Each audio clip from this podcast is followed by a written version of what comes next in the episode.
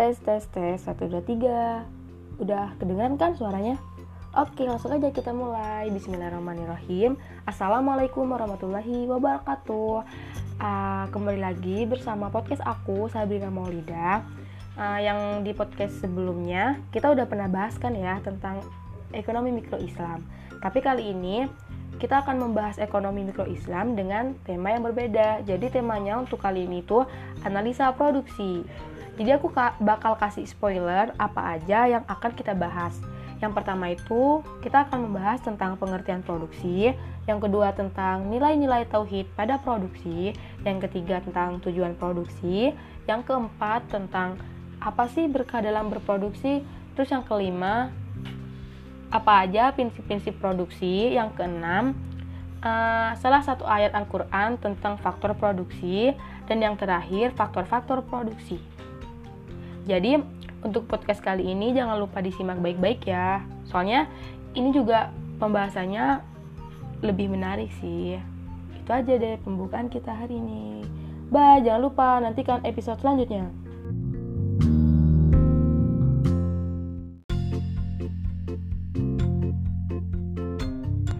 Bismillahirrahmanirrahim. Assalamualaikum warahmatullahi wabarakatuh. Uh, Tes tes tes Suaraku kedengeran kan ya.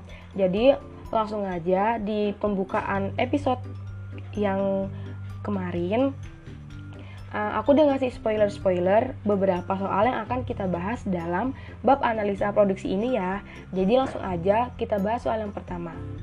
Nah, soal yang pertama itu jelaskan pengertian produksi. Jadi, Produksi itu teman-teman dalam bahasa Arab dengan kata al-intaj yang secara harfiah dimaknai dengan ijadul silatin atau mewujudkan atau bisa jadi mengadakan sesuatu. Nah, pengertian lainnya yaitu bisa diartikan sebagai hikmatu muayyanatin bin istiqdami muzayyajin min anasir al-intaj damina itharu zamani muhadadin atau artinya pelayanan jasa yang jelas dengan menuntut adanya bantuan penggabungan unsur-unsur produksi yang di, yang terbingkai dalam waktu yang terbatas. Itu menurut pendapat Muhammad Rawas Kolahji. Nah, beda lagi dalam buku Abdurrahman Yusro Ahmad yang mengatakan bahwa dalam melakukan proses produksi yang dijadikan ukuran utamanya adalah nilai manfaat atau utility yang diambil dari hasil produksi tersebut. Dalam pandangannya, harus mengacu ataupun berpatokan dengan nilai utility dan masih dalam bingkai nilai halal serta tidak membahayakan bagi diri seorang ataupun sekelompok masyarakat. Dalam hal ini, Abdurrahman merefleksikan pemikirannya dengan mengacu pada Al-Quran Surat Al-Baqarah ayat 219 yang berbunyi A'udzubillahi minasyaitonirrajim.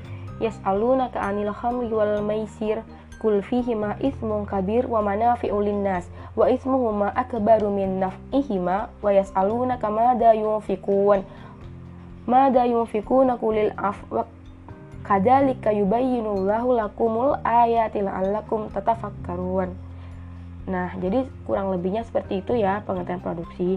Gimana udah paham kan? Uh, mungkin episode kali ini Sekian dulu pembahasan soal pertama. Sampai jumpa di episode selanjutnya. Terima kasih. Wassalamualaikum warahmatullahi wabarakatuh.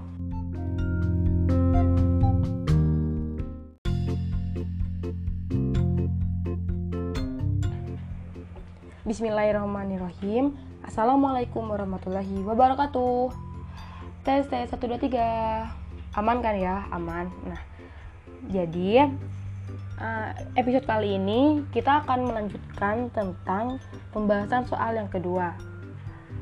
Jadi kalian ingat kan soal yang pertama kemarin itu membahas tentang pengertian produksi. Nah, udah pada ngerti kan?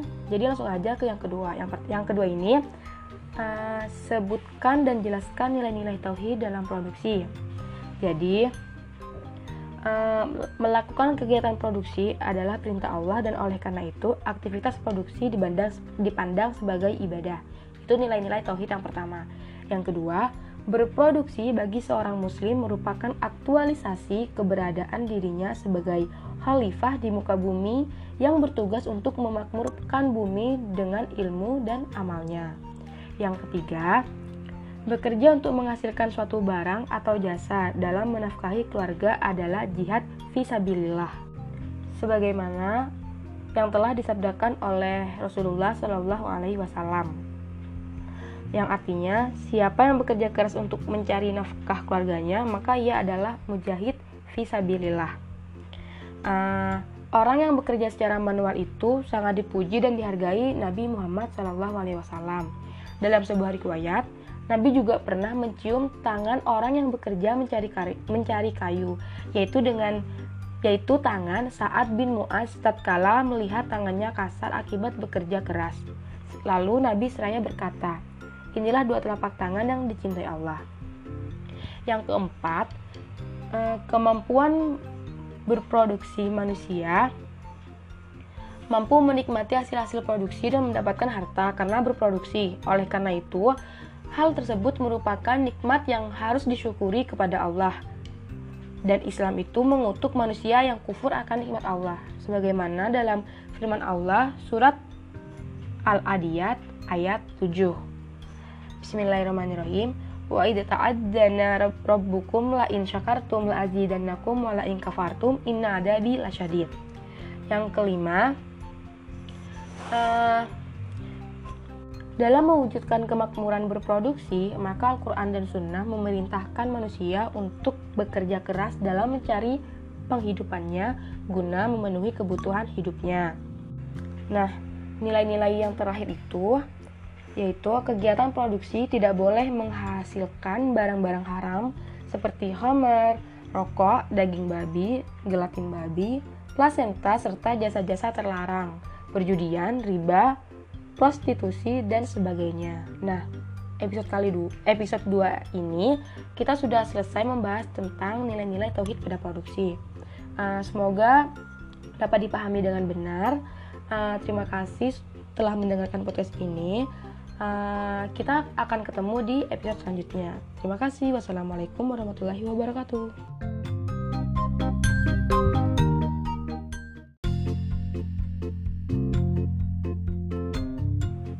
Bismillahirrahmanirrahim Assalamualaikum warahmatullahi wabarakatuh Tes tes tes 1, 2, 3 Udah kedengeran kan?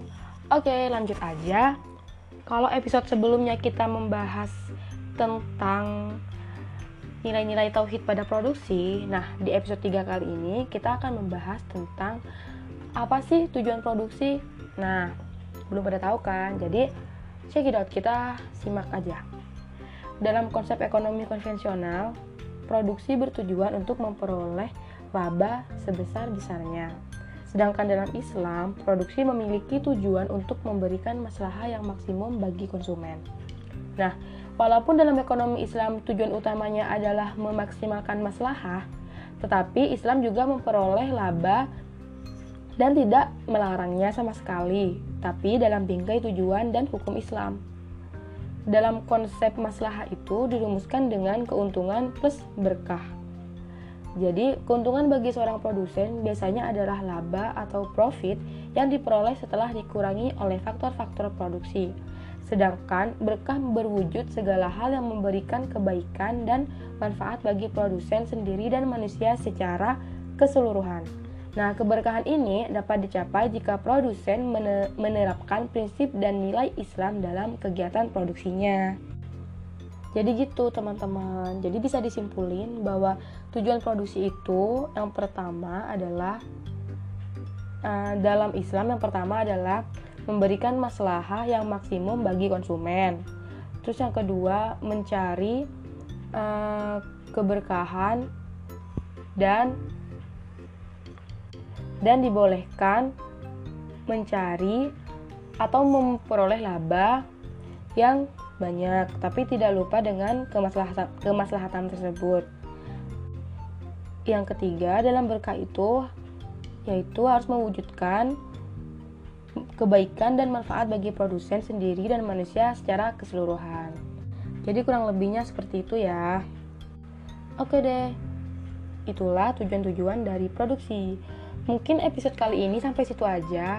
Uh, aku rasa kalian udah paham ya. Uh, jangan lupa kalau kalian belum dengarkan podcast aku yang sebelumnya bisa langsung aja dicek di podcast aku yang sebelumnya.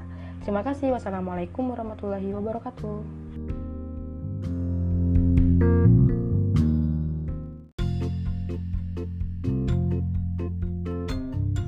Bismillahirrahmanirrahim. Assalamualaikum warahmatullahi wabarakatuh. Uh, aman kan Sonya? Cek. Ya aman lah ya. Nah, episode kali ini kita akan membahas tak kalah menariknya dengan episode yang sebelumnya. Jadi episode kali ini kita akan membahas tentang apa sih yang dimaksud berkah dalam tujuan berproduksi. Kita sering kali kan ya mendengar bahwa dalam berproduksi itu tujuannya untuk memperoleh maslahat serta berkah kan gitu. Nah, jadi berkah yang dimaksud itu ialah segala hal yang memberikan kebaikan dan manfaat bagi produsen sendiri dan manusia secara keseluruhan. Dalam upaya mencari berkah ini, uh, ada dua kan. Dalam mencari berkah dalam mencari berkah dalam jangka pendek akan menurunkan keuntungan karena adanya biaya berkah, tetapi dalam jangka panjang kemungkinan justru akan meningkatkan keuntungan karena meningkatnya permintaan. Jadi uh, dalam jangka panjang itu justru akan meningkatkan keuntungan karena terjadinya peningkatan permintaan. Nah, berkah itu merupakan komponen penting dalam masalah. Oleh karena itu, bagaimanapun dan seperti apa pun pengklarifikasinya, berkah harus dimasukkan dalam input produksi. Sebab berkah mempunyai andil atau share nyata dalam membentuk output. Berkat yang dimaksudkan da berkah yang dimasukkan dalam input produksi itu meliputi bahan baku yang dipergunakan untuk proses produksi harus memiliki kebaikan dan manfaat baik di masa sekarang ataupun di masa yang akan mendatang. Misalnya penggunaan bahan baku yang ilegal atau tanpa izin, baik itu dari hasil illegal logging maupun penggunaan bahan baku yang tanpa batas dalam penggunaannya. Dalam jangka waktu pendek mungkin akan memiliki nilai manfaat yang baik karena pendistribusiannya baik tetapi dalam jangka waktu panjang akan menimbulkan masalah.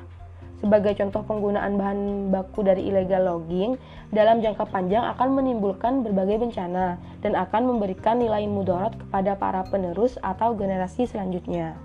Nah, sekian episode 4 kali ini. Uh, saya harap teman-teman bisa memahami ya apa yang dimaksud berkah dalam tujuan berproduksi tersebut.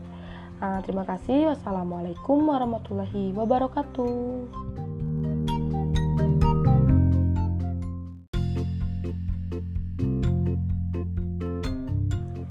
Bismillahirrahmanirrahim. Assalamualaikum warahmatullahi wabarakatuh.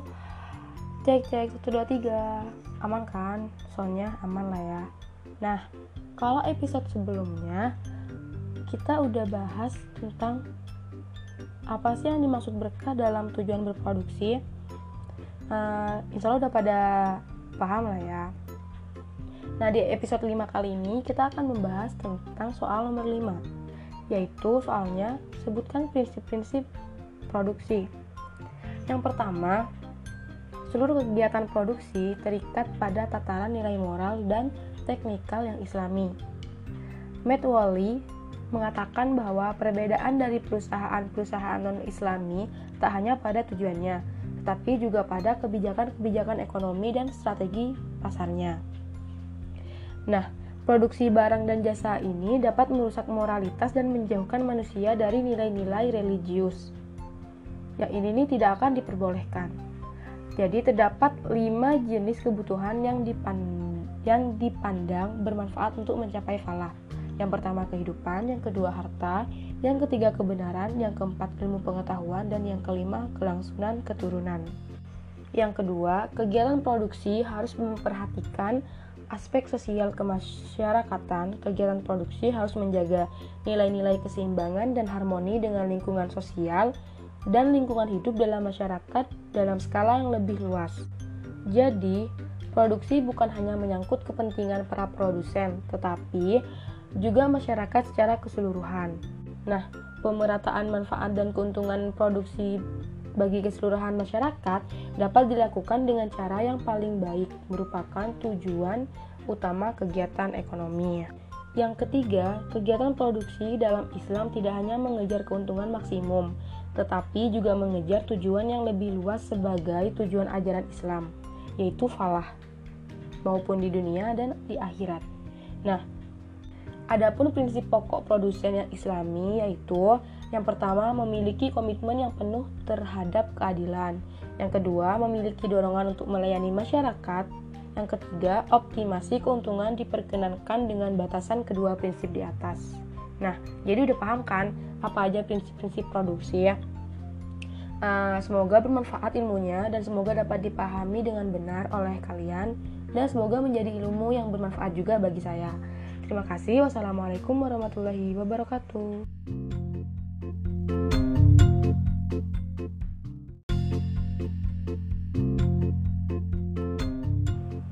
Tes 1 2 3. Soalnya aman kan?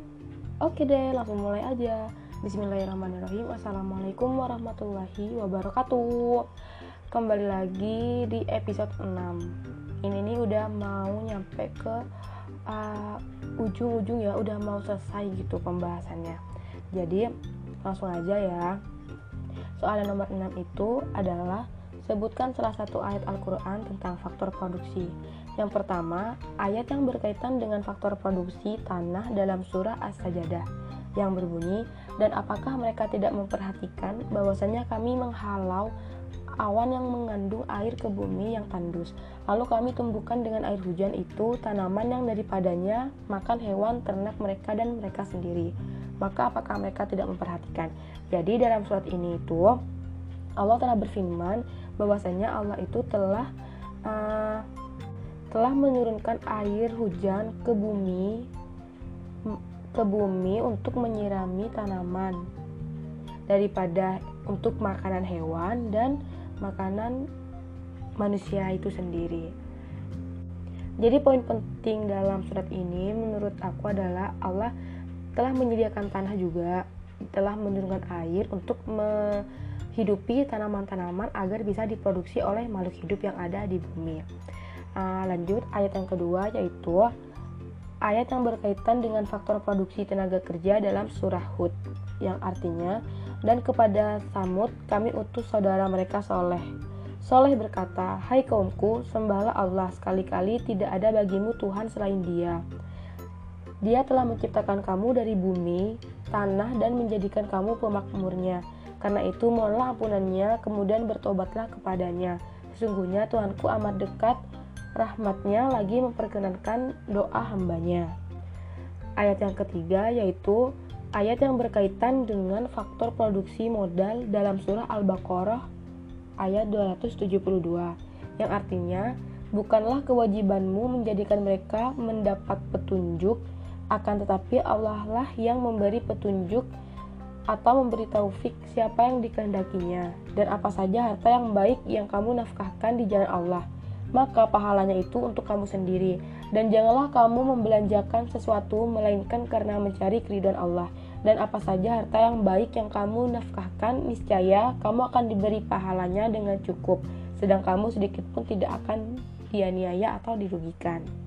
Nah, jadi itu salah satu dari beberapa oh bukan bukan salah satu, salah tiga dari beberapa surat Al-Qur'an yang menjelaskan tentang faktor produksi ya. Insya Allah udah paham kan ya kalian Oke deh, terima kasih sudah mendengarkan. Jangan lupa terus simak podcast aku selanjutnya karena ini podcast sebelum podcast selanjutnya adalah dua podcast episode terakhir dari pembahasan uh, kali ini. Terima kasih. Wassalamualaikum warahmatullahi wabarakatuh.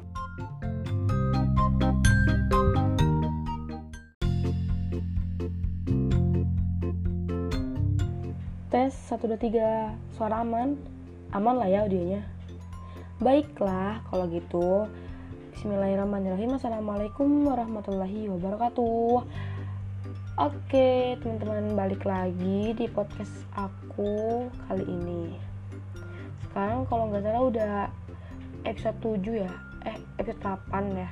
Pokoknya kita akan membahas tentang soal nomor 7 Yaitu sebutkan faktor-faktor produksi jadi faktor-faktor produksi itu ada empat.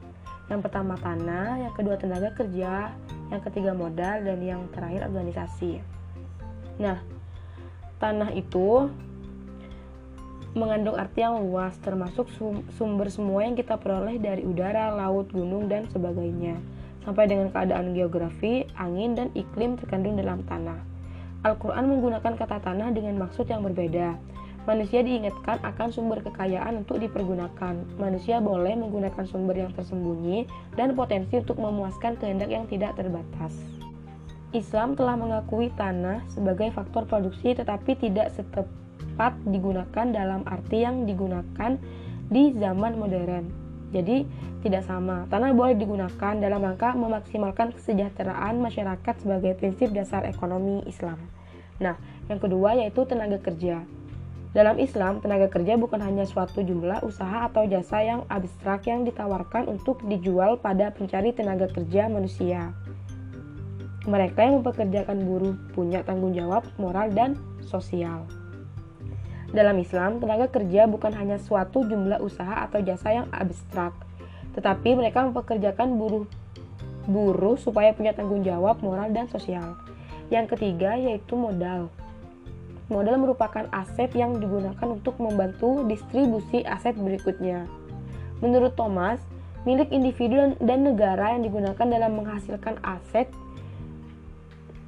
selain tanah dan modal adalah modal dapat memberikan kepuasan pribadi dan membantu menghasilkan kekayaan. Yang terakhir yaitu organisasi. Nah, organisasi itu memerankan peranan penting dan dianggap sebagai faktor produksi yang paling penting. Dalam organisasi tentu ada yang menjalankan dan dalam bisnis, yaitu seorang usahawan. Bisnis tidak akan berjalan tanpa adanya usahawan dalam sebuah organisasi. Dengan adanya usahawan, proses perencanaan, pengorganisasian, peng pengtualisasian dan proses evaluasi, evaluasi evaluasi akan berjalan dengan bisnis. Uh, aduh mohon maaf ya kalau misalkan ya gitulah nervous. Jadi itulah beberapa pengertian dari tanah, tenaga kerja, modal dan organisasi. Semoga bermanfaat. Jangan lupa nantikan episode terakhir kita dalam bab ini. Terima kasih. Wassalamualaikum warahmatullahi wabarakatuh.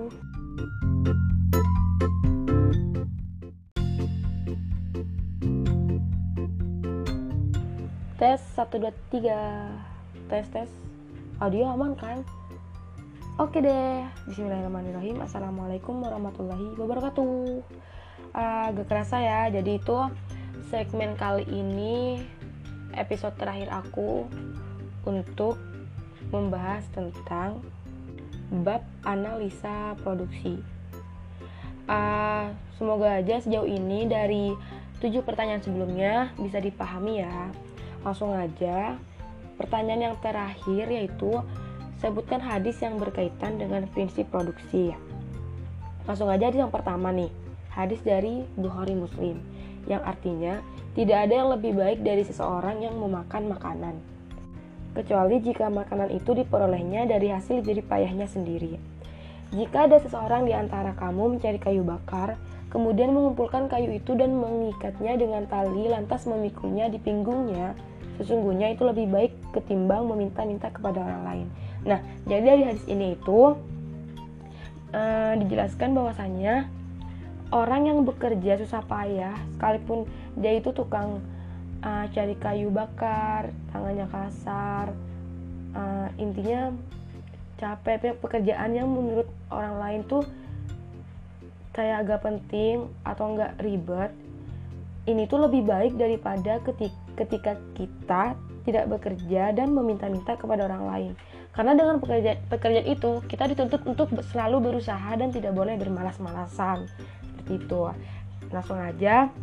Yang kedua hadis yang kedua yaitu hadis riwayat dari Tabrani dan Dailami yang berbunyi sesungguhnya Allah sangat suka melihat hambanya yang berusaha mencari rezeki yang halal.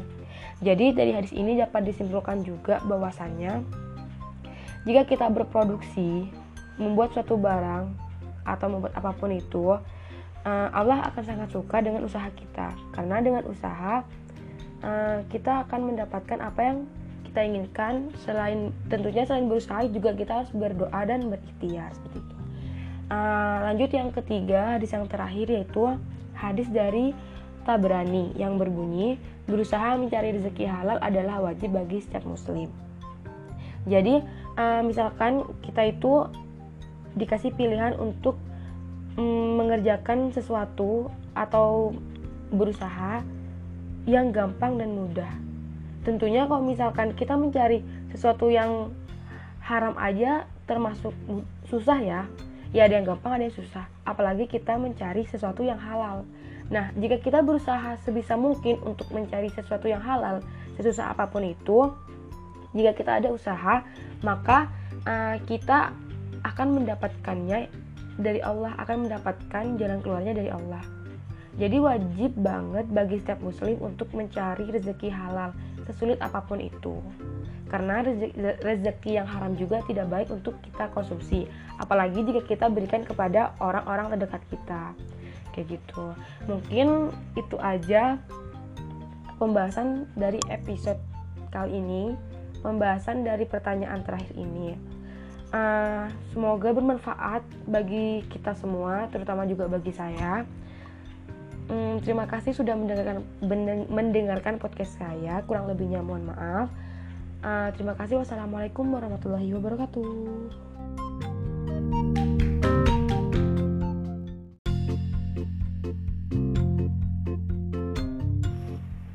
Tes 1, 2, 3 Audio aman kan? Oke deh Assalamualaikum warahmatullahi wabarakatuh. Uh, Udah gak kerasa ya uh, Pembahasan kita dalam bab analisa produksi ini Sudah selesai dan Alhamdulillah udah sedikit saya paparkan dengan uh, Seputar pertanyaan-pertanyaan yang saya buat. Jadi untuk uh, bab kali ini ada, ada 8 pertanyaan dan gak kerasa banget udah selesai semua dibahas. Saya harap semuanya kalian termasuk saya juga dapat memahami dan dapat berguna bagi kita semua. Terima kasih sudah mendengarkan podcast kurang lebihnya mohon maaf. Karena saya juga masih sama-sama belajar jadi kalau misalkan uh, ada pendapat teman-teman yang kurang berkenan atau enggak mau nambahin uh, silakan saja langsung chat saya atau bisa DM saya di Instagram saya. Terima kasih sudah menyimak dan selalu mendengarkan episode-episode tiap episode-episode dari bab saya bab penjelasan kali ini. Terima kasih. Wassalamualaikum warahmatullahi wabarakatuh. Sampai jumpa di podcast kita selanjutnya dengan yang pastinya dengan judul yang berbeda. Dah.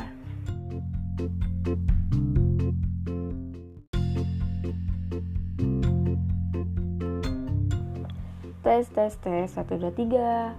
Udah kedengeran kan suaranya? Oke langsung aja kita mulai. Bismillahirrahmanirrahim. Assalamualaikum warahmatullahi wabarakatuh. Uh, kembali lagi bersama podcast aku Sabrina Maulida. Uh, yang di podcast sebelumnya kita udah pernah bahas kan ya tentang ekonomi mikro Islam tapi kali ini kita akan membahas ekonomi mikro Islam dengan tema yang berbeda. Jadi temanya untuk kali ini tuh analisa produksi. Jadi aku bakal kasih spoiler apa aja yang akan kita bahas. Yang pertama itu kita akan membahas tentang pengertian produksi, yang kedua tentang nilai-nilai tauhid pada produksi, yang ketiga tentang tujuan produksi, yang keempat tentang apa sih berkah dalam berproduksi, terus yang kelima apa aja prinsip-prinsip produksi, yang keenam uh, salah satu ayat Al-Quran tentang faktor produksi, dan yang terakhir faktor-faktor produksi. Jadi untuk podcast kali ini jangan lupa disimak baik-baik ya. Soalnya ini juga pembahasannya lebih menarik sih.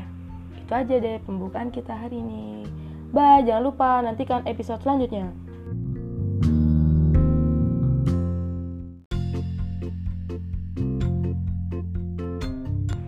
Bismillahirrahmanirrahim. Assalamualaikum warahmatullahi wabarakatuh. Uh, tes tes tes. Suaraku kedengeran kan ya? Jadi langsung aja di pembukaan episode yang kemarin uh, aku udah ngasih spoiler-spoiler beberapa soal yang akan kita bahas dalam bab analisa produksi ini ya.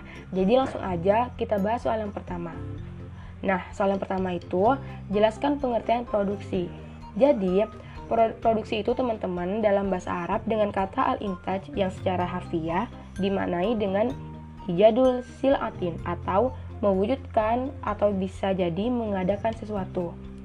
Nah, pengertian lainnya yaitu bisa diartikan sebagai hikmatu muayyanatin bin istiqdami muzayyajin min anasir al-intaj damina itharu zamani muhadadin atau artinya pelayanan jasa yang jelas dengan menuntut adanya bantuan penggabungan unsur-unsur produksi yang di, yang terbingkai dalam waktu yang terbatas.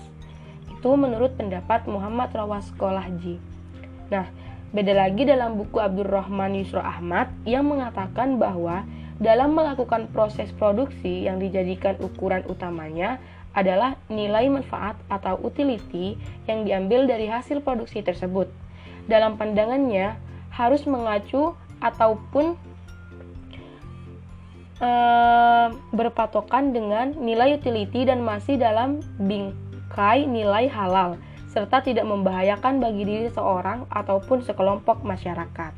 Dalam hal ini, Abdurrahman merefleksikan pemikirannya dengan mengacu pada Al-Quran Surat Al-Baqarah ayat 219 yang berbunyi uh, A'udzubillahi minasyaitonirrajim Yas'alunaka 'anil khamri wal maisir kul fihima ismun kabir wa manafi'u linnas wa ismuhuma akbaru min naf'ihima wa yas'alunaka madza yunfikun madza yunfikuna kulil afwa Kadzalika yubayyinullahu lakumul ayati la'allakum tatafakkarun.